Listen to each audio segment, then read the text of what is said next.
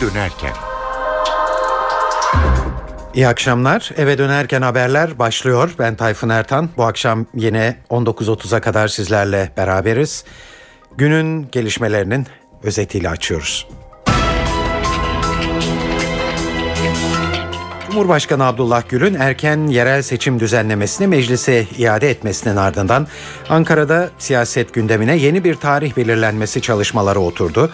AKP, CHP'nin önereceği tarihi peşinen kabul edip bunu MHP'ye teklif edeceğini açıkladı. Afyon Karahisar'daki cephanelik patlamasında hayatını kaybeden 25 askerin doğal afet şehidi statüsüne alınması nedeniyle şehit ailelerinin birçok haktan mahrum kalacak olmasına gösterilen tepki üzerine Milli Savunma Bakanlığı mevzuatın değiştirilmesi çalışmalarına başladı. Maliye Bakanı Mehmet Şimşek dünyanın hiçbir ülkesinde 48-49 yaşında emeklilik olmadığını söyledi ve Türkiye'nin yeni bir sosyal güvenlik reformuna ihtiyacı olduğunu vurguladı. Birleşmiş Milletler'in Suriye'ye atadığı Bağımsız Araştırma Komisyonu ülkedeki şiddetin artabileceği uyarısında bulundu. Komisyon Suriye'deki İslamcı militanlara dikkat çekti ve yüzlerce yabancı radikal İslamcının varlığının tehlikeli boyutlara ulaştığını açıkladı. Ve A milli takım 2014 Dünya Kupası'na katılma umutlarını mucizelere bıraktı. Teknik direktör Abdullah Avcı giderek artan istifa söylentilerine istifayı hiç düşünmedim. Türk futbolunun en büyük sorunu istikrardır sözleriyle karşılık verdi.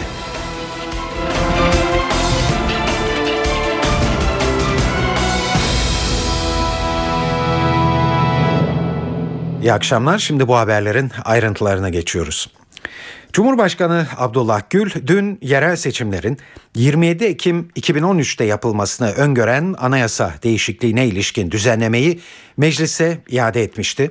Gül bu sabah da yerel seçimlerin öne çeken anayasa değişikliğini içeriği olmadığı için meclise ifade iade ettiğini belirterek bütün milleti referandum amacıyla sandık başına taşımanın hiçbir anlamı olmadığını belirtti. Bu anayasa değişikliğinin bir içeriği yok biliyorsunuz. Sadece tarihle ilgili olan bir değişiklikti. Ayrıca kış gününde sadece bundan dolayı bütün milleti herkesi sandık başına taşımanın da bir anlamı olmadığını herkes zaten görüyordu. Dolayısıyla herhalde halkın da herkesin de beklediği şey buydu. Onun için e, meclise tekrar gönderdim. Tabii ki şimdi artık e, Türkiye Büyük Millet Meclisi'nin siyasi partilerin e, bileceği bir şey yeni bir tarih veya üstünde ister ederler mi? O onların bileceği bir şey.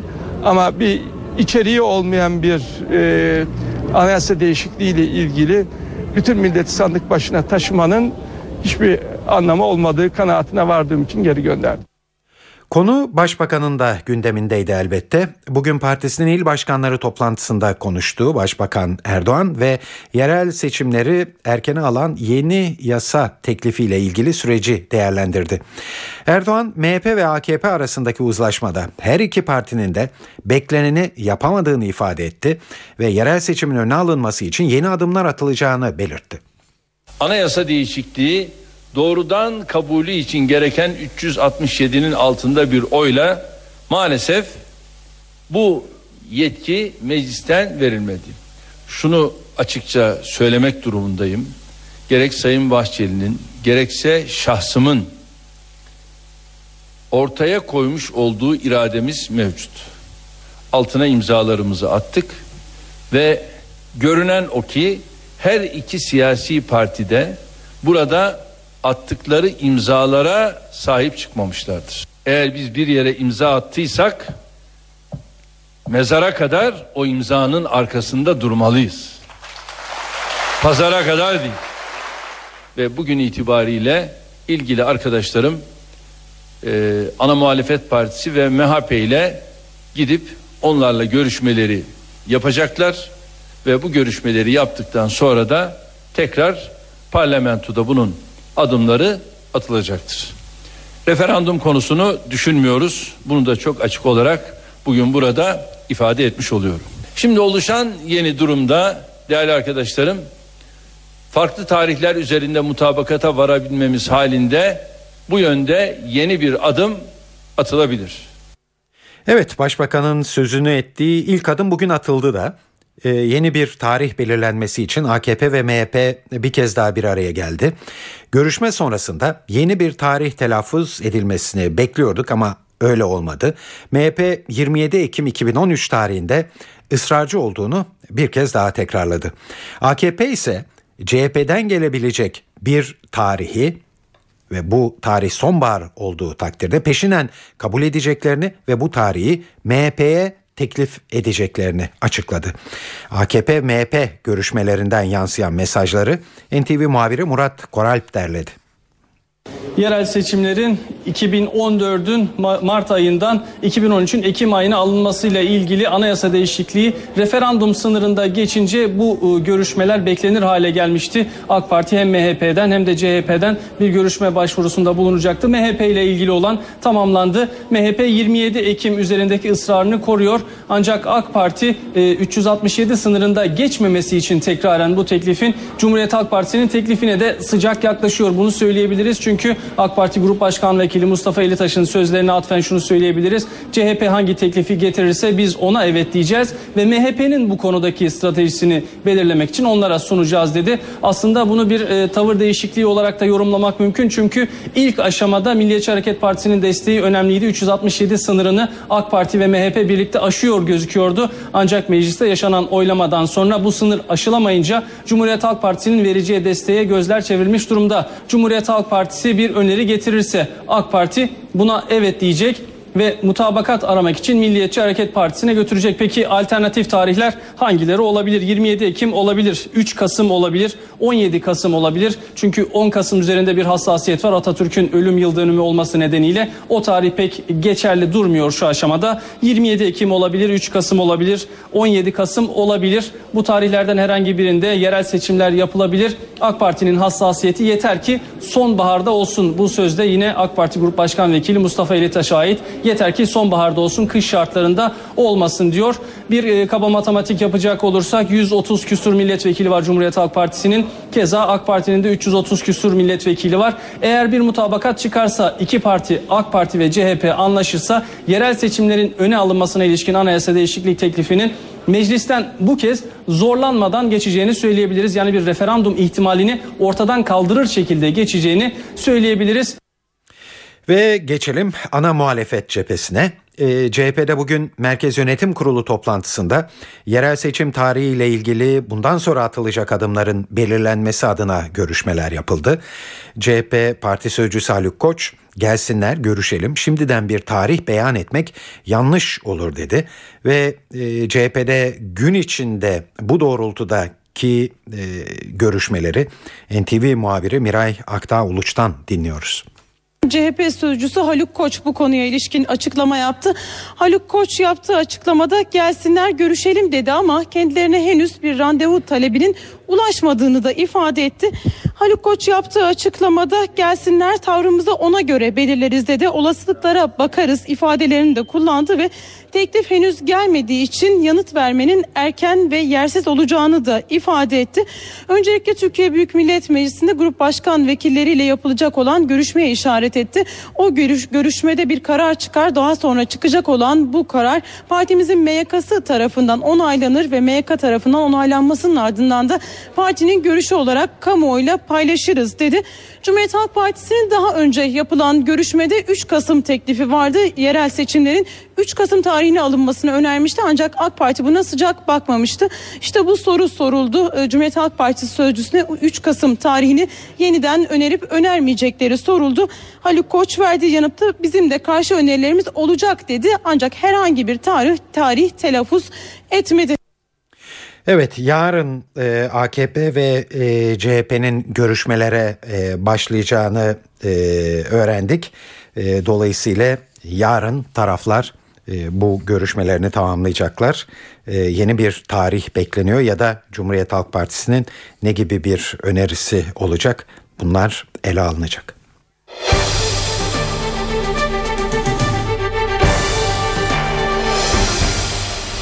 Dünkü eve dönerken haber bültenimizde sizlere duyurmuştuk. Sabah gazetesinin haberine göre Afyon Karahisar'daki cephanelik patlamasında hayatını kaybeden 25 asker doğal afet şehidi statüsüne alınmıştı.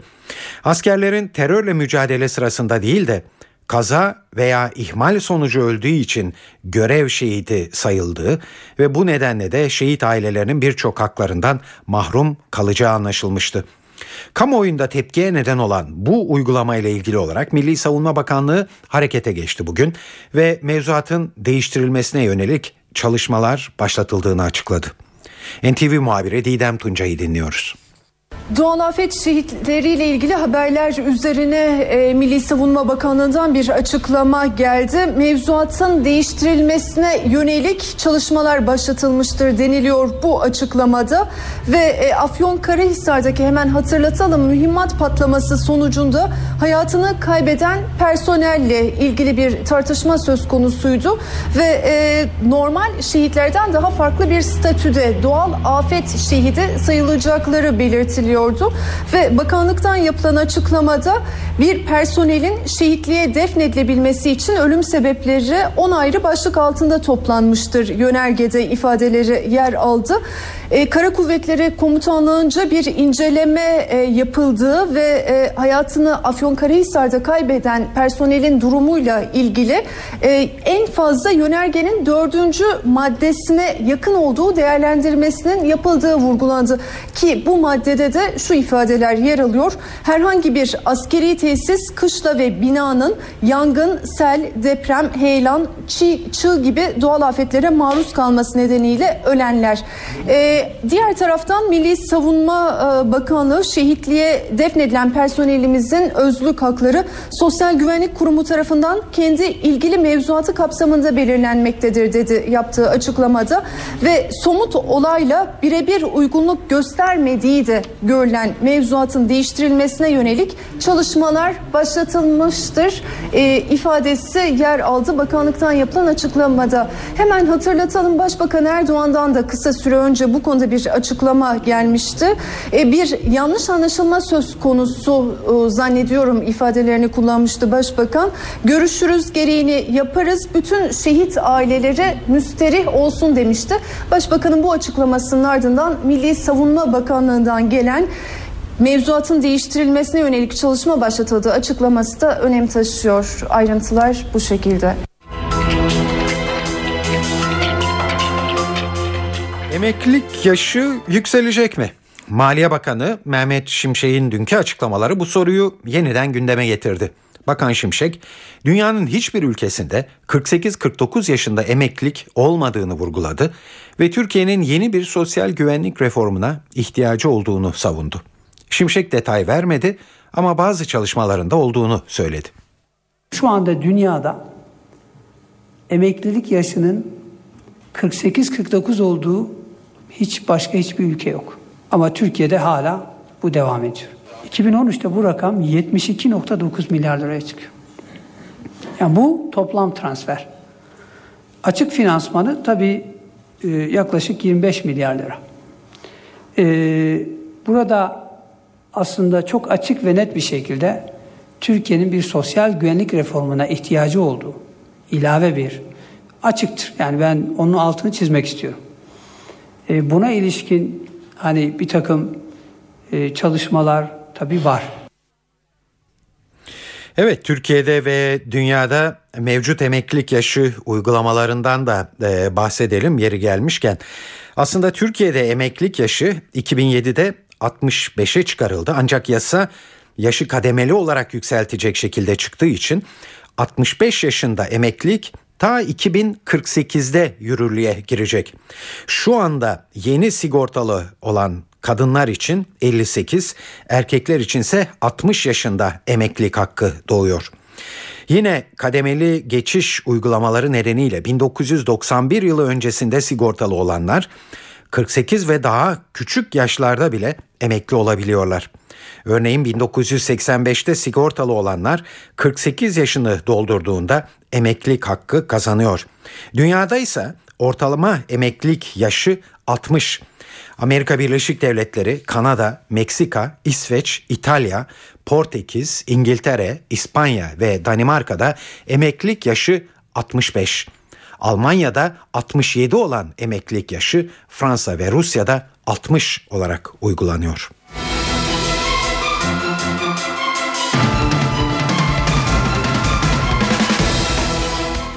Saat 18.15 NTV Radyo'da eve dönerken haberleri dinliyorsunuz. Günün öne çıkan gelişmesine hızlıca bir kez daha göz atalım.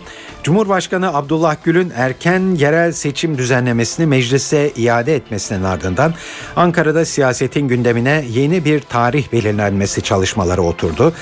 AKP CHP'nin önereceği tarihi sonbahar olduğu sürece peşinen kabul edip bunu MHP'ye teklif edeceğini açıkladı.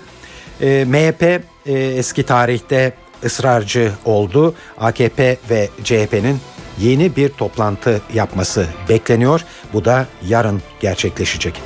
Eve dönerken haberler birazdan devam edecek.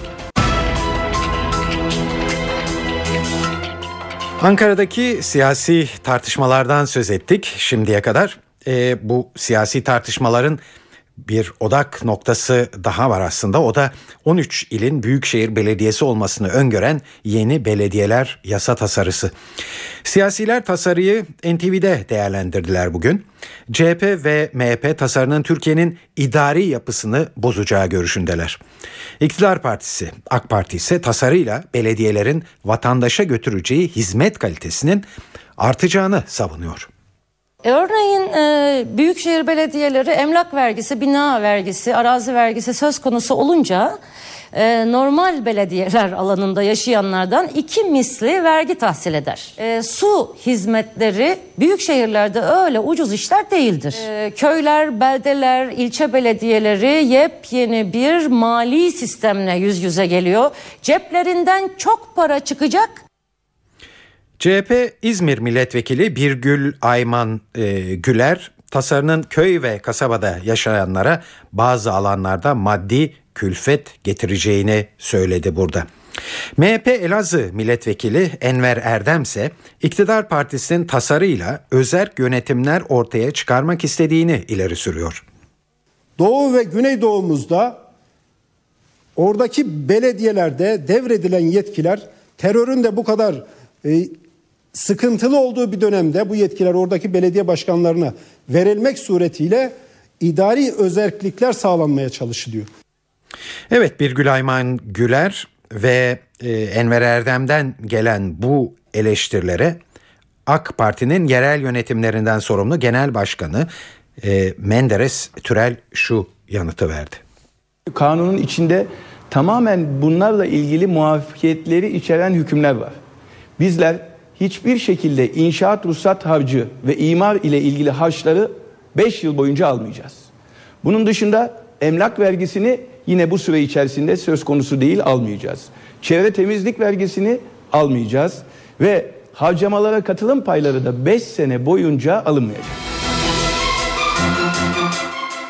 UNESCO'nun eğitim raporu Türkiye'de kız çocuklarının eğitimi konusundaki olumsuzlukları gözler önüne serdi. Türkiye'nin kızların dezavantajlı olduğu ülkeler kategorisinde yer bulduğu raporda kız çocuklarının eğitimine önem verilmediği kaydediliyor. Raporda kırsal bölgede yaşayan kadınların %65'inin liseyi bitiremediği, erkeklerde ise bu oranın %36 olduğu vurgulanmakta. Yoksul ailelerdeki erkek çocukların %64'ünün eğitim aldığı, Buna karşın yoksul kız çocuklarının sadece yüzde otuzunun eğitimini tamamlayabildiği belirtiliyor. Ve Türkiye'nin yoksul ailelerdeki genç kızları eğitmek için bir strateji oluşturması gerektiği vurgulanmakta. Erken çocuk bakımı ve eğitimi sıralamasında Türkiye, Ürdün, Filistin ve Cezayir gibi ülkelerin gerisinde kalıyor. Çocukların dünya genelinde de istenen seviyede eğitim görmediği bu raporun ortaya koyduğu bir başka bulgu. Bu bağlamda dünya çapında hala 61 milyondan fazla çocuğun okula gidemediği ve her 5 çocuktan birinin ilkokulu yarıda bıraktığı vurgulanmakta. UNESCO okul çağındaki 250 milyon çocuğun okuma yazma bilmediğine de dikkat çekiyor.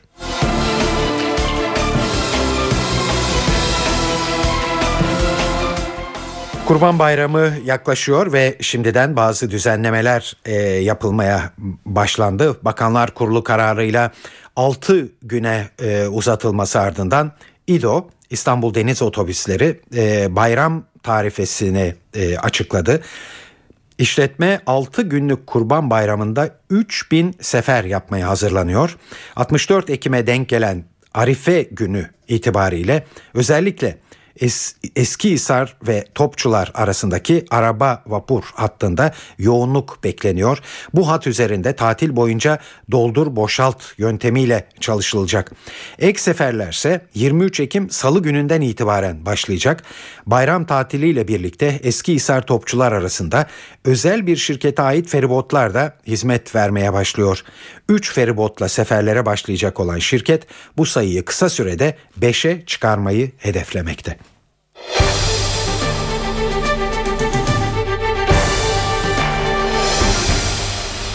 Evet şimdi dünyada dikkat çeken bazı haberlerle e, devam edelim.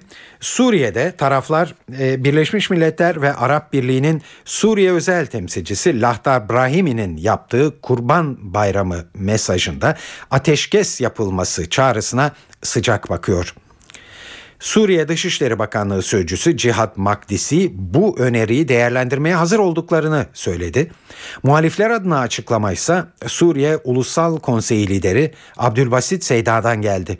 Öneriye olumlu baktıklarını söyleyen Seyda, asıl adım atması gereken hava operasyonlarını sürdüren Şam yönetimi dedi. Bu açıklamaların ayrıntılarını NTV Şam muhabiri Hediye Levent bildiriyor. Dün itibariyle Suriye Dışişleri Bakanlığı Sözcüsü Cihat Makdisi Suriye'de krizin sona erdirilmesi için e, ortaya atılacak her türlü yapıcı girişimi destekleyeceklerini söyledi. Bu çerçevede Kurban Bayramı'ndan itibaren e, ateşkesin ilan edilmesine ilişkin girişim içinde hazır olduklarını yani ateşkese hazır olduklarını söyledi. Ancak e, bir şart öne sürdü Cihat Makdisi ve bu ateşkesin ancak eş zamanlı ve her iki taraflı e, ateşkes yapılması halinde başarıya ulaşacağını söyledi. Suriye yönetimi muhaliflerin de ateşkese uyması ve bunu garanti etmesi halinde ateşkese hazır olduğunu iletmiş oldu Cihat Makdisi'nin bu ifadeleri üzerinden. Yine Cihat Makdisi'nin bu açıklamasında önümüzdeki günlerde Suriye'ye gelmesi beklenen Birleşmiş Milletler ve Arap Birliği e, özel temsilcisi Elahtar İbrahim'e ilişkinde değerlendirmeler vardı. Makdisi İbrahim'in e, son günlerde yaptığı çeşitli ülkelerdeki temaslara ilişkin sonuçları da değerlendirmek üzere İbrahim'i bekleyecek beklediklerini söyledi. Ee, özellikle silahlı muhalefet üzerinde etkili olan ülkelerde ki temaslarının sonuçlarını merakla beklediklerini söyledi. Saat 18.28 NTV Radyo'da eve dönerken haberleri dinliyorsunuz. Bizi arada dinlemeye başlamış olabilecekler için e, günün e, gelişmelerini hızlıca bir kez daha tekrarlayalım. E, Cumhurbaşkanı Abdullah Gül'ün erken yerel seçim düzenlemesini meclise iade etmesinin ardından Ankara'da siyasetin gündemine yeni bir tarih belirlenmesi çalışmaları oturdu. AKP, CHP'nin önereceği tarihi sonbaharda olduğu sürece e, kabul edip buna bunu Mil, Milliyetçi Hareket Partisi'ne teklif edeceğini açıkladı. Afyonkarahisar'daki cephanelik patlamasında hayatını kaybeden 25 askerin doğal afet şehidi statüsüne alınması nedeniyle şehit ailelerinin birçok haktan mahrum kalacak olmasına gösterilen tepki üzerine Milli Savunma Bakanlığı mevzuatın değiştirilmesi çalışmalarına başladı. Birleşmiş Milletler'in Suriye'ye atadığı Bağımsız Araştırma Komisyonu ülkedeki şiddetin artabileceği uyarısında bulundu. Komisyon Suriye'deki İslamcı militanlara özellikle dikkat çekti ve yüzlerce yabancı radikal İslamcının varlığının tehlikeli boyutlara ulaştığını belirtti. A milli futbol takımı 2014 Dünya Kupası'na katılma umutlarını mucizelere bıraktı. Teknik direktör Abdullah Avcı giderek artan istifa söylentilerine istifayı hiç düşünmedim. Türk futbolunun en büyük sorunu istikrardır sözleriyle karşılık verdi. Ve Maliye Bakanı Mehmet Şimşek dünyanın hiçbir ülkesinde 48-49 yaşında emeklilik olmadığını söyledi ve Türkiye'nin yeni bir sosyal güvenlik reformuna ihtiyacı olduğunu savundu.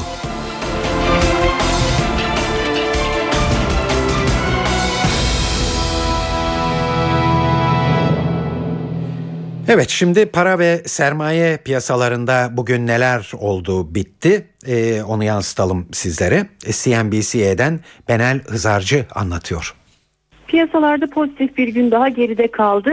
Sabah güne başlarken İspanya'nın Moody's tarafından notunun kırılmamış olmasının getirdiği bir olumlu hava vardı. Daha önce hatırlanırsa Fitch tarafından e, notu kırılmıştı İspanya'nın ama asıl beklenen Moody's'i e, Moody's sürpriz bir şekilde notu indirmedi. Avrupa Merkez Bankası ve Euro bölgesinin çabalarından e, söz etti ve İspanya'nın da kendi e, başına borçlanabilme kapasitesinin arttığından e, söz etti raporunda. E, bununla birlikte görünümü negatifte tuttu. Yine bir not indirimi ihtimalini de e, yedekte bırakmış oldu aslında.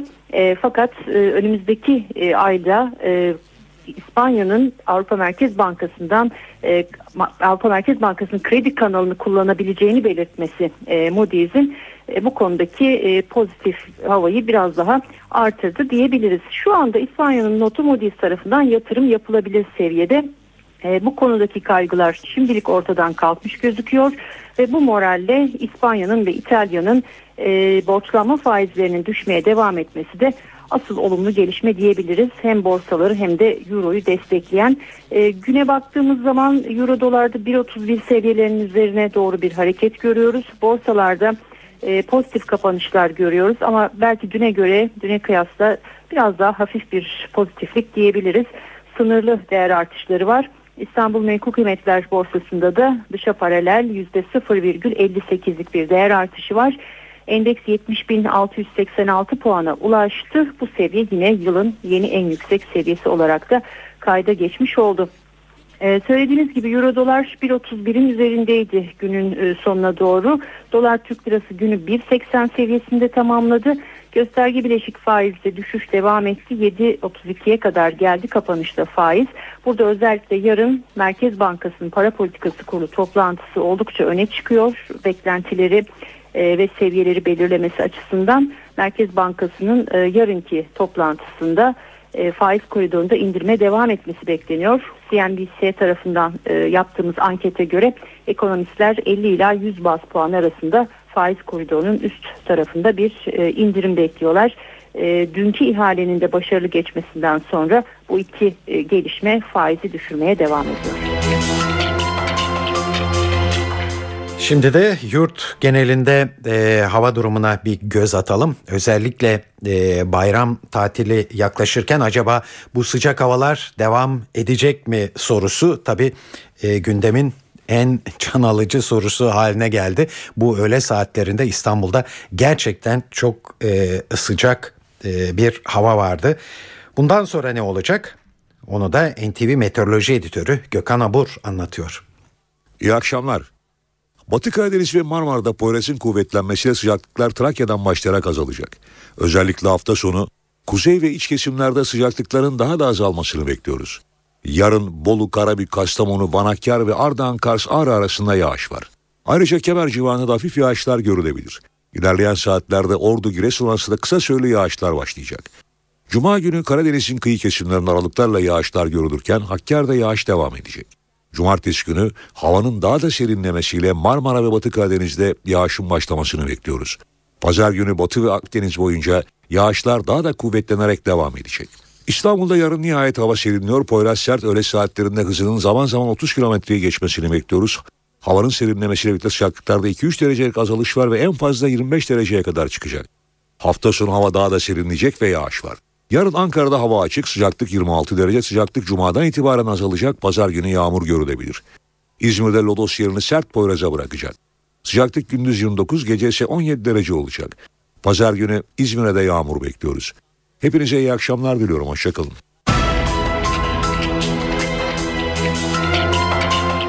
Birleşmiş Milletler'in Suriye'ye atadığı Bağımsız Araştırma Komisyonu ülkedeki şiddetin artabileceği uyarısında bulundu. Komisyon yayınladığı ilk raporunda özellikle Suriye'deki İslamcı militanlara dikkat çekti ve yüzlerce yabancı radikal İslamcının Suriye'deki varlığının tehlikeli boyutlara ulaştığını açıkladı. Komisyon raporunda Suriye'den kaçanların sayısına da dikkat çekildi. Sığınmacıların sayısının 350 bini bulduğu belirtilen raporda artışın süreceği de tahmin ediliyor. Suriye dışında sığınmacıların sayısı artıyor. Haziran ayında Suriye'ye komşu ülkelerdeki sığınmacıların sayısı 100 bin civarındaydı. Şimdi bu rakam 350 bin civarında. Sınırlar açık oldukça yüz binlercesi daha gelebilir. Birleşmiş Milletler verilerine göre Suriye'den kaçan 350 bin kişi Türkiye, Irak, Ürdün ve Lübnan'da sığınmacı durumunda. Türkiye'deki Suriyelilerin sayısı hafta başında 100 bin kritik eşiğini aşmıştı.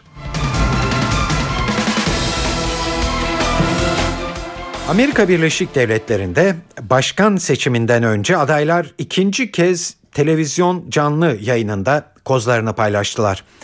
İlk roundun galibi Romney olmuştu biliyorsunuz. Obama'ya ekonomiden yüklendi ve bu sefer genel görüş kazananın nakavtla olmasa da sayıyla Obama olduğu yönünde.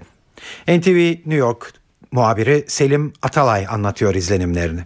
Tartışma heyecanlıydı hatta bir e, köşe yazarına, Cumhuriyetçi köşe yazarına göre 1960'tan beri yaşanan en heyecanlı ve kuvvetli tartışmaydı. Kuvvetli iki tarafta da kuvvetli yani hem e, fikir tartışması olarak hem de fiziki tartışma noktasına da geldi. Obama e, ilk tartışmanın aksine çok daha kararlı ve e, ağırlığını koydu bu sefer. Romney de onun o şekilde enerjiyle geleceğini hesapladığı için onun enerjisinin Obama'nın enerjisinin üzerine çıkmaya çalıştı ve e, bir e, gerilim inşası, tırmanması yaşandı. E, birkaç kez adaylar e, birbirlerine parmak sallayarak ve birbirlerine e, yönelerek Amerika standartlarına göre hayli gerilimli anlar yaşadılar. Onun dışında e, başka e, güldürücü sahneler de vardı. E, anketler Obama'nın kazandığını gösteriyor. Yayın kuruluşlarının yaptığı anketlere göre Obama kazandı. Ancak bu ankette adaylardan birisini silecek bir gaf olmadı ya da bir aday diğerini birkaç sözle saf dışı bırakamadı, nakavt edemedi boks diliyle. E, o yüzden Obama'nın sayıyla kazandığı e, söylenmekte. Bundan sonrası için e, yine anketlere nasıl yansıyacak ona bakılacak. Ancak Obama en azından kendinden beklenen performansı gösterdi. Srebrenica ve Saraybosna'daki katliamlardan sorumlu tutulan Bosnalı Sırpların eski lideri Radovan Karadzic, Lahey'deki savaş suçları mahkemesinde ilk savunmasını yaptı. Karadzic ceza değil ödül istedi. Umesto što sam optužen İç savaş sırasında yaşananlarla beni suçlayacağınıza beni ödüllendirmeniz gerekiyor. Çünkü ben savaşı önlemek için elimden gelen her şeyi yaptım. Hakkındaki suçlamaları reddeden Bosna kasabı lakabıyla tanınan Karadzic, Bosna Savaşı'ndaki sivil ölümlerin sayesinde çok daha az olduğunu savundu. Kendisini hoşgörülü biri olarak tanımlayan Karadzic, barışı sağlamak için çalıştığını anlattı. Karadzic ayrıca savaşta ölenlerin sayısının medyada verilenin dörtte biri olduğunu iddia etti. Karadzic'in bu sözleri savaşın tanığı Bosların tepkisine yol açtı. Ona se smijava. Bizimle dalga geçiyor. Ya deli numarası yapıyor ya da gerçekten haklı olduğunu kanıtlamaya çalışıyor.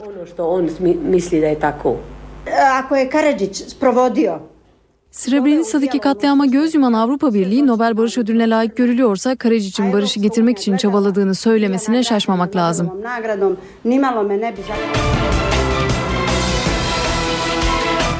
Hollanda'nın Rotterdam kentindeki bir sanat galerisi aslın en büyük sanat soygununa sahne oldu. Dünyaca ünlü ressamlara ait 7 büyük sanat eseri galeriden çalındı. Çalınan eserlerin ikisi Claude Monet, diğerleri Pablo Picasso, Henri Matisse ve Paul Gauguin gibi sanatçılara ait. Çalınan tabloların 200 milyon euro değerinde olduğu belirtiliyor. Soygunla ilgili soruşturma başlatan polis olayın nasıl gerçekleştiğini de çözmeye çalışıyor.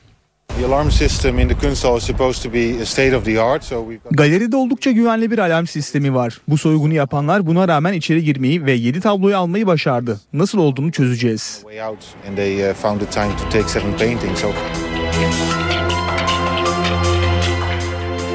Orta Amerika ülkesi Panama şaşırtıcı bir taleple gündeme geldi. Panama Başbakanı ülkesinin euro kullanmak istediğini söyledi. Başbakan Martinelli Merkel'le birlikte katıldığı basın toplantısında Panama'da Amerikan doları serbest dolaşımda Merkel'e Euro'nun da yasal para birimlerinden biri olmasını istediğimizi ve Panama piyasasında kabul edilmesini istediğimi söyledim dedi. Ancak Panama Başbakanının bunu nasıl yapacağı merak konusu. Bu konuda herhangi bir ayrıntı da verilmiş değil. Hali hazırda Avrupa Birliği üyesi 27 ülkenin 17'sinde euro resmi para birimi. Ancak buna ek olarak Avrupa Birliği dışında bulunan Kosova, Karadağ, Monaco ve Andorra'da da euro kullanılmakta.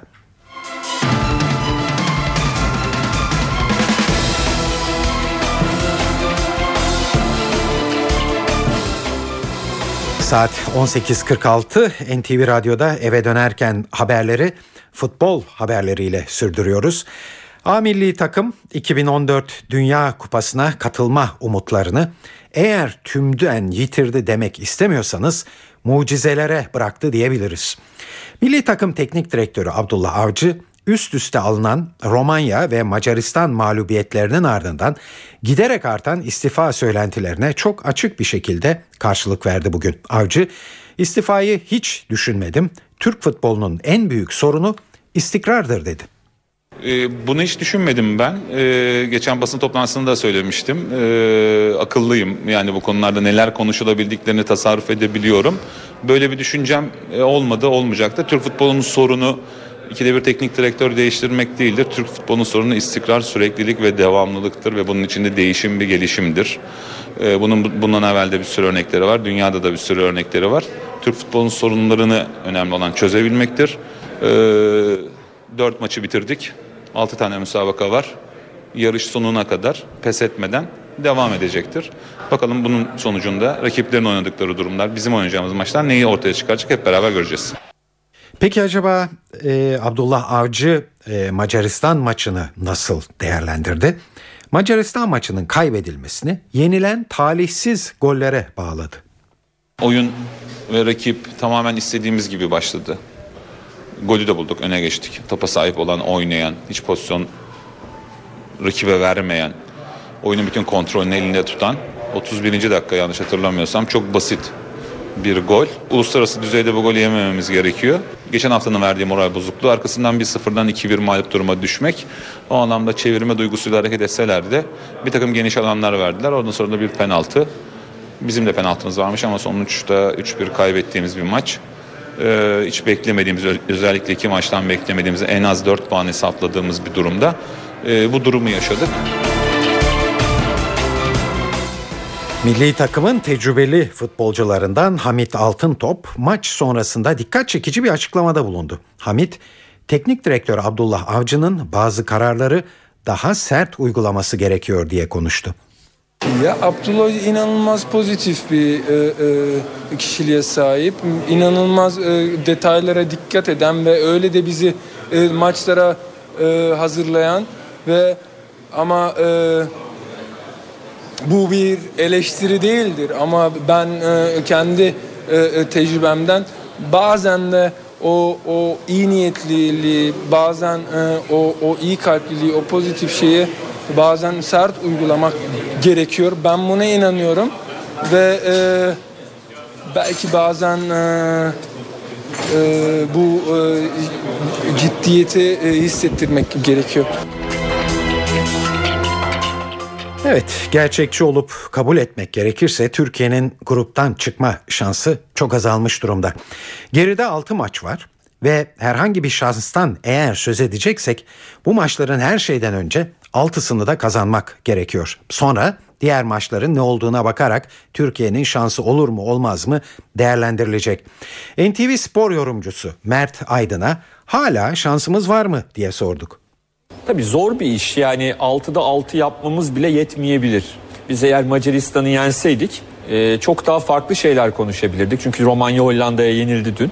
Macaristan'ı yenseydik Macarlarla daha Andorra maçlarını oynamamış olmamıza rağmen onların bir Andorra maçı oynanmış olmasına rağmen aynı puanda olacaktık. Halbuki şimdi hem Romanya hem Macaristan 6 puan önümüzde.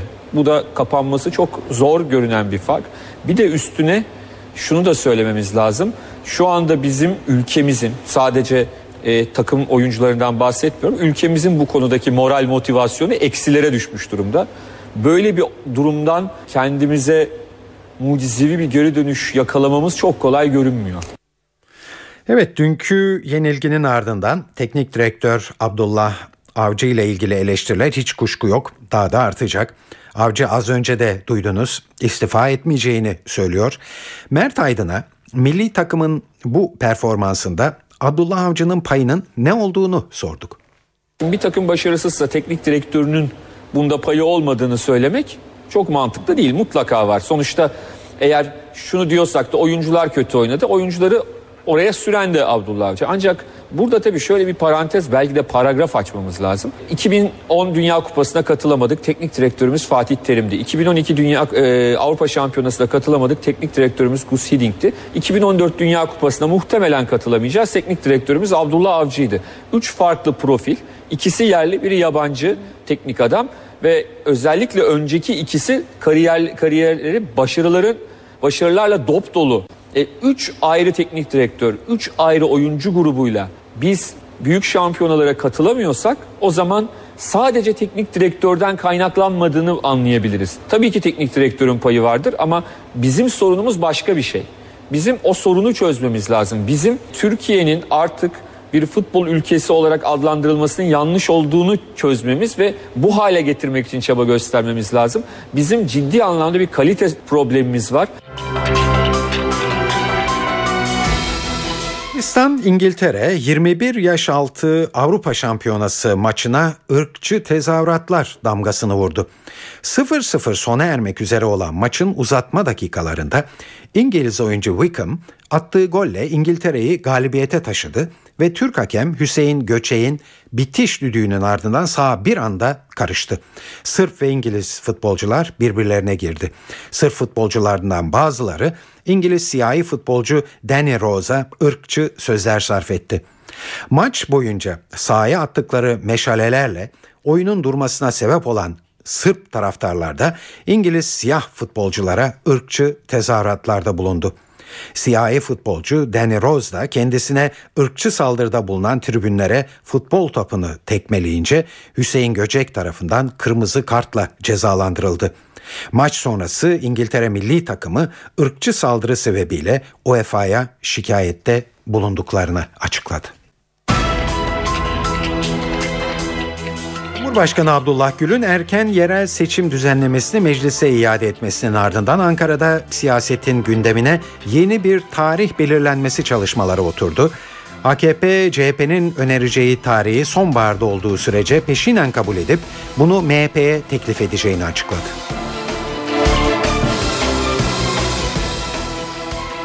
Cumhurbaşkanı Abdullah Gül dün yerel seçimlerin 27 Ekim 2013'te yapılmasını öngören anayasa değişikliğine ilişkin düzenlemeyi meclise iade etmişti. Bu yayın sırasında sizlere duyurmuştuk. Gül bu sabah da bu kararının gerekçesini açıkladı. Anayasa değişikliğini içeriği olmadığı için meclise iade ettiğini belirterek bütün milleti referandum amacıyla sandık başına taşımanın hiçbir anlamı olmayacağını söyledi.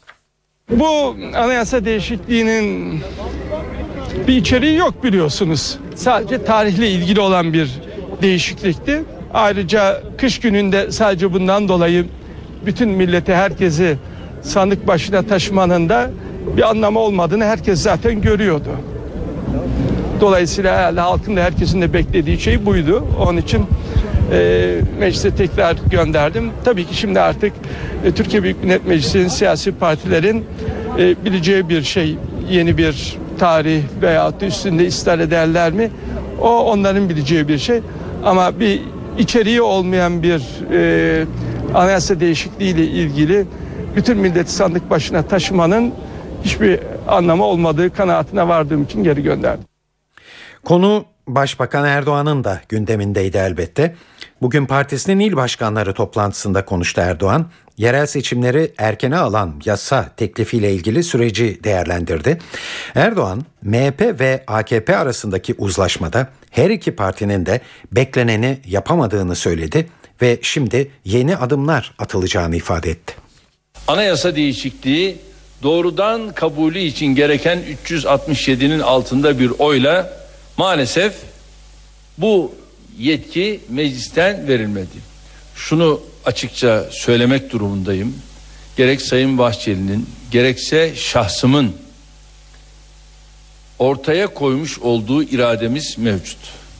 Altına imzalarımızı attık ve görünen o ki her iki siyasi partide burada attıkları imzalara sahip çıkmamışlardır. Eğer biz bir yere imza attıysak mezara kadar o imzanın arkasında durmalıyız. Pazara kadar değil. Ve bugün itibariyle ilgili arkadaşlarım e, ana muhalefet partisi ve MHP ile gidip onlarla görüşmeleri yapacaklar ve bu görüşmeleri yaptıktan sonra da tekrar parlamentoda bunun adımları atılacaktır. Referandum konusunu düşünmüyoruz. Bunu da çok açık olarak bugün burada ifade etmiş oluyorum. Şimdi oluşan yeni durumda değerli arkadaşlarım farklı tarihler üzerinde mutabakata varabilmemiz halinde bu yönde yeni bir adım atılabilir. Evet, Başbakanın sözünü ettiği adımlardan ilki bugün atıldı ve yeni bir tarih belirlenmesi için AKP ve MHP bir kez daha bir araya geldi. Görüşmede MHP 27 Ekim 2013 tarihinde ısrarcı olduğunu tekrarladı. Bu görüşmelerden e, yansıyan mesajları NTV muhabiri Murat Koralp'ten dinliyoruz yerel seçimlerin 2014'ün Mart ayından 2013'ün Ekim ayına alınmasıyla ilgili anayasa değişikliği referandum sınırında geçince bu e, görüşmeler beklenir hale gelmişti. AK Parti hem MHP'den hem de CHP'den bir görüşme başvurusunda bulunacaktı. MHP ile ilgili olan tamamlandı. MHP 27 Ekim üzerindeki ısrarını koruyor. Ancak AK Parti 367 e, sınırında geçmemesi için tekraren bu teklifin Cumhuriyet Halk Partisi'nin teklifine de sıcak yaklaşıyor. Bunu söyleyebiliriz çünkü AK Parti Grup Başkan Vekili Mustafa Elitaş'ın sözlerine atfen şunu söyleyebiliriz. CHP hangi teklifi getirirse biz ona evet diyeceğiz ve MHP'nin bu konudaki stratejisini belirlemek için onlara sunacağız dedi. Aslında bunu bir e, tavır değişikliği olarak da yorumlamak mümkün çünkü ilk aşamada Milliyetçi Hareket Partisi'nin desteği önemliydi. 367 sınırını AK Parti ve MHP birlikte aşıyor gözüküyordu. Ancak mecliste yaşanan oylamadan sonra bu sınır aşılamayınca Cumhuriyet Halk Partisi'nin vereceği desteğe gözler çevrilmiş durumda. Cumhuriyet Halk Partisi bir öneri getirirse AK Parti buna evet diyecek ve mutabakat aramak için Milliyetçi Hareket Partisi'ne götürecek. Peki alternatif tarihler hangileri olabilir? 27 Ekim olabilir, 3 Kasım olabilir, 17 Kasım olabilir. Çünkü 10 Kasım üzerinde bir hassasiyet var. Atatürk'ün ölüm yıl dönümü olması nedeniyle o tarih pek geçerli durmuyor şu aşamada. 27 Ekim olabilir, 3 Kasım olabilir, 17 Kasım olabilir. Bu tarihlerden herhangi birinde yerel seçimler yapılabilir. AK Parti'nin hassasiyeti yeter ki sonbaharda olsun. Bu sözde yine AK Parti Grup Başkan Vekili Mustafa Elitaş'a ait. Yeter ki sonbaharda olsun, kış şartlarında olmasın diyor. Bir e, kaba matematik yapacak olursak 130 küsur milletvekili var Cumhuriyet Halk Partisi'nin. Keza AK Parti'nin de 330 küsur milletvekili var. Eğer bir mutabakat çıkarsa iki parti AK Parti ve CHP anlaşırsa yerel seçimlerin öne alınmasına ilişkin anayasa değişiklik teklifinin meclisten bu kez zorlanmadan geçeceğini söyleyebiliriz. Yani bir referandum ihtimalini ortadan kaldırır şekilde geçeceğini söyleyebiliriz. Evet muhabirimiz Murat Koralp'in e, üzerinde önemli e, dikkatimizi çektiği konu e, CHP'den ne gibi tepki geleceği. Çünkü yarın yapılacak bu gelişme AKP ile CHP arasındaki görüşme. İsterseniz biraz da onun üzerinde duralım. Acaba ana muhalefet cephesinde neler oluyor bu konuda? CHP'de bugün Merkez Yönetim Kurulu e, toplantısında ele alındı bu konu ve bundan sonra atacak adımların e, belirlenmesi için çalışmalar yapıldı. CHP sözcüsü Haluk Koç e, gelsinler görüşelim şimdiden bir tarih beyan etmek yanlış olur dedi. CHP'de gün içinde olan biteni NTV muhabiri Miray Akta Uluç anlatıyor. CHP sözcüsü Haluk Koç bu konuya ilişkin açıklama yaptı. Haluk Koç yaptığı açıklamada gelsinler görüşelim dedi ama kendilerine henüz bir randevu talebinin ulaşmadığını da ifade etti. Haluk Koç yaptığı açıklamada gelsinler tavrımızı ona göre belirleriz dedi. Olasılıklara bakarız ifadelerini de kullandı ve teklif henüz gelmediği için yanıt vermenin erken ve yersiz olacağını da ifade etti. Öncelikle Türkiye Büyük Millet Meclisi'nde grup başkan vekilleriyle yapılacak olan görüşmeye işaret etti. O görüş, görüşmede bir karar çıkar. Daha sonra çıkacak olan bu karar partimizin MYK'sı tarafından onaylanır ve MYK tarafından onaylanmasının ardından da partinin görüşü olarak kamuoyuyla paylaşırız dedi. Cumhuriyet Halk Partisi'nin daha önce yapılan görüşmede 3 Kasım teklifi vardı. Yerel seçimlerin 3 Kasım tarihine alınmasını önermişti ancak AK Parti buna sıcak bakmamıştı. İşte bu soru soruldu. Ee, Cumhuriyet Halk Partisi sözcüsüne 3 Kasım tarihini yeniden önerip önermeyecekleri soruldu. Haluk Koç verdiği yanıtta bizim de karşı önerilerimiz olacak dedi. Ancak herhangi bir tarih tarih telaffuz etmedi. Evet günün öne çıkan e, gelişmesinde e, nihai sonun ne olacağı e, yarın e, AKP ve CHP arasındaki toplantıda belli olacak. Tabi e, bunu e, yarın akşamki eve dönerken haberlerde dinleyebileceksiniz. Şimdi yurt genelindeki e, hava tahminlerine de geçelim isterseniz. NTV Meteoroloji Editörü Gökhan Abur anlatıyor. İyi akşamlar. Batı Karadeniz ve Marmara'da Poyraz'ın kuvvetlenmesiyle sıcaklıklar Trakya'dan başlayarak azalacak. Özellikle hafta sonu kuzey ve iç kesimlerde sıcaklıkların daha da azalmasını bekliyoruz. Yarın Bolu, Karabük, Kastamonu, Banakkar ve Ardahan, Kars, Ağrı arasında yağış var. Ayrıca Kemer civarında da hafif yağışlar görülebilir. İlerleyen saatlerde Ordu, Giresun arasında kısa süreli yağışlar başlayacak. Cuma günü Karadeniz'in kıyı kesimlerinde aralıklarla yağışlar görülürken Hakkari'de yağış devam edecek. Cumartesi günü havanın daha da serinlemesiyle Marmara ve Batı Karadeniz'de yağışın başlamasını bekliyoruz. Pazar günü Batı ve Akdeniz boyunca yağışlar daha da kuvvetlenerek devam edecek. İstanbul'da yarın nihayet hava serinliyor. Poyraz sert öğle saatlerinde hızının zaman zaman 30 kilometreye geçmesini bekliyoruz. Havanın serinlemesiyle birlikte sıcaklıklarda 2-3 derecelik azalış var ve en fazla 25 dereceye kadar çıkacak. Hafta sonu hava daha da serinleyecek ve yağış var. Yarın Ankara'da hava açık, sıcaklık 26 derece, sıcaklık cumadan itibaren azalacak, pazar günü yağmur görülebilir. İzmir'de lodos yerini sert poyraza bırakacak. Sıcaklık gündüz 29, gece ise 17 derece olacak. Pazar günü İzmir'e de yağmur bekliyoruz. Hepinize iyi akşamlar diliyorum, hoşçakalın. Eve dönerken haberleri dinliyorsunuz NTV Radyo'da ve e, futbol haberleriyle devam edeceğiz şimdi. A milli futbol takımı 2014 Dünya Kupası'na katılma umutlarını eğer tümden yitirdi demek istemiyorsak mucizelere bıraktı diyebiliriz. Milli takım teknik direktörü Abdullah Avcı üst üste alınan e, mağlubiyetlerin ardından tabi giderek artan istifa söylentilerine bugün bir cevap verdi. Avcı istifayı hiç düşünmedim. Türk futbolunun en büyük sorunu istikrardır diye konuştu. Ee, bunu hiç düşünmedim ben. Ee, geçen basın toplantısında da söylemiştim. Ee, akıllıyım. Yani bu konularda neler konuşulabildiklerini tasarruf edebiliyorum. Böyle bir düşüncem e, olmadı, olmayacak da. Türk futbolunun sorunu ikide bir teknik direktör değiştirmek değildir. Türk futbolunun sorunu istikrar, süreklilik ve devamlılıktır ve bunun içinde değişim bir gelişimdir. Bunun bundan evvel de bir sürü örnekleri var. Dünyada da bir sürü örnekleri var. Türk futbolunun sorunlarını önemli olan çözebilmektir. Ee, dört maçı bitirdik. 6 tane müsabaka var. Yarış sonuna kadar pes etmeden devam edecektir.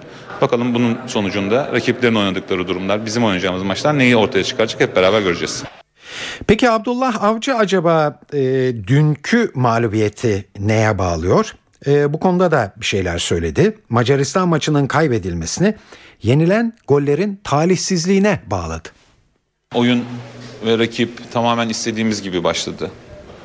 Golü de bulduk, öne geçtik. Topa sahip olan, oynayan, hiç pozisyon rakibe vermeyen, oyunun bütün kontrolünü elinde tutan 31. dakika yanlış hatırlamıyorsam çok basit bir gol. Uluslararası düzeyde bu golü yemememiz gerekiyor. Geçen haftanın verdiği moral bozukluğu arkasından bir sıfırdan 2-1 mağlup duruma düşmek. O anlamda çevirme duygusuyla hareket etseler de bir takım geniş alanlar verdiler. Ondan sonra da bir penaltı. Bizim de penaltımız varmış ama sonuçta 3-1 kaybettiğimiz bir maç. Ee, hiç beklemediğimiz özellikle iki maçtan beklemediğimiz en az 4 puan hesapladığımız bir durumda e, bu durumu yaşadık. Evet bunlar Abdullah Avcı'nın açıklamalarıydı. Milli takımın tecrübeli oyuncularından Hamit Altıntop maç sonrasında dikkat çekici bir açıklama yaptı. Hamit belki de Almanya deneyiminden de e, çıkararak teknik direktör Abdullah Avcı'nın bazı kararları daha sert uygulaması gerekiyor diye konuştu. Ya Abdullah inanılmaz pozitif bir e, e, kişiliğe sahip. İnanılmaz e, detaylara dikkat eden ve öyle de bizi e, maçlara e, hazırlayan ve ama e, bu bir eleştiri değildir ama ben e, kendi e, e tecrübemden bazen de o o iyi niyetliliği, bazen e, o o iyi kalpliliği, o pozitif şeyi bazen sert uygulamak gerekiyor. Ben buna inanıyorum ve e, belki bazen e, e, bu e, ciddiyeti e, hissettirmek gerekiyor.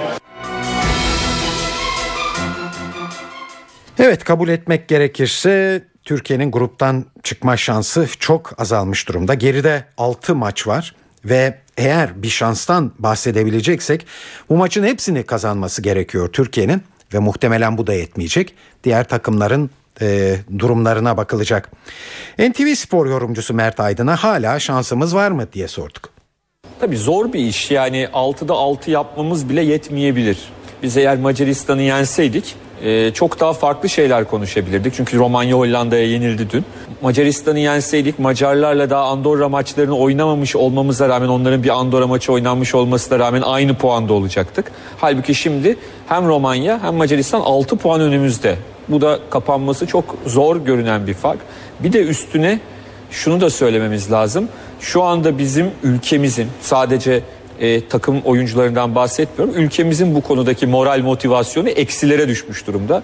Böyle bir durumdan kendimize mucizevi bir geri dönüş yakalamamız çok kolay görünmüyor. Evet dünkü yenilginin ardından teknik direktör Abdullah Avcı ile ilgili eleştiriler hiç kuşku yok daha da artacak. Avcı az önce de duydunuz istifa etmeyeceğini söyledi. Mert Aydın'a milli takımın bu performansında Abdullah Avcı'nın payının ne olduğunu sorduk. Bir takım başarısızsa teknik direktörünün bunda payı olmadığını söylemek çok mantıklı değil. Mutlaka var. Sonuçta eğer şunu diyorsak da oyuncular kötü oynadı. Oyuncuları oraya süren de Abdullah Avcı. Ancak burada tabii şöyle bir parantez belki de paragraf açmamız lazım. 2010 Dünya Kupası'na katılamadık. Teknik direktörümüz Fatih Terim'di. 2012 Dünya e, Avrupa Şampiyonası'na katılamadık. Teknik direktörümüz Gus Hidding'ti. 2014 Dünya Kupası'na muhtemelen katılamayacağız. Teknik direktörümüz Abdullah Avcı'ydı. Üç farklı profil. İkisi yerli, biri yabancı teknik adam ve özellikle önceki ikisi kariyer kariyerleri başarıların başarılarla dop dolu. E, üç ayrı teknik direktör, üç ayrı oyuncu grubuyla biz büyük şampiyonalara katılamıyorsak o zaman sadece teknik direktörden kaynaklanmadığını anlayabiliriz. Tabii ki teknik direktörün payı vardır ama bizim sorunumuz başka bir şey. Bizim o sorunu çözmemiz lazım. Bizim Türkiye'nin artık bir futbol ülkesi olarak adlandırılmasının yanlış olduğunu çözmemiz ve bu hale getirmek için çaba göstermemiz lazım. Bizim ciddi anlamda bir kalite problemimiz var. Evet daha uzun uzun konuşacağımız futbol e, sorununun e, dün akşamki yenilgiden e, sonraki ilk açıklamaları böyleydi. Şimdi isterseniz kültür ve sanat faaliyetlerinden e, derlediğimiz haberlerle sürdürelim yayınımızı. İstanbul'la başlıyoruz. Akbank Jazz Festivali devam ediyor. Bu yıl 22.si düzenlenen festivale Anthony Braxton grubuyla konuk oluyor. Wesleyan Üniversitesi'nde eğitim veren Braxton, kendini klasik bir caz sanatçısı olarak görmediğinin altını çiziyor, eserlerini ve yaptığı işi yaratıcı müzik olarak tanımlıyor. Konseri saat 21'de Sakıp Sabancı Müzesi The Seed'de.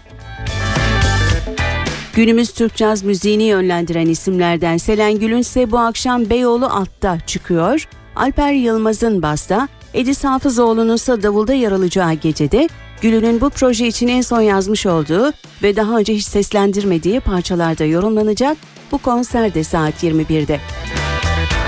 Son yılların en orijinal gruplarından biri olarak gösterilen 1-2-3 bugün İKSV salonda hayranlarıyla buluşacak. Yumuşak melodilerle trip hop ve caz arasında gidip gelen çizgisiyle müzik sahnesine farklı bir sound getiren grup saat 21.30'da sahneye çıkacak. Beady Band müzik yarışmasının ilkinde başarılı gruplardan biri olan Vera bugün Getto'da konser verecek. 2004 yılında Denizli'de kurulan grup saat 21.30'da konserine başlayacak. Greg Cotis'in ünlü müzikali Sidikli kasabasını da bugün devlet tiyatroları Cevahir sahnesinde görebilirsiniz. Dünyanın ısındığı, suların azalmasıyla birlikte tuvalete girmenin sınırlanarak özel bir şirketin denetimine verildiği bir yerde geçen oyunun yönetmeni Oğuz Utku Güneş. Oyunun başlama saati 20. Unut şimdi. Beşiktaş Belediyesi Akatlar Kültür Merkezi de bugün Yoksa Engelsiz Misiniz adlı oyuna ev sahipliği yapıyor. Türkiye Omurilik Felçlileri Derneği'nin yararına sahnelenecek oyunda engellenerek yaşamaya zorunlu bırakılmış insanların yaşamak için verdikleri mücadelede karşılaştıkları güçlükler ele alınıyor. Aytekin Özen'in yazdığı oyunun başlama saati 20.30.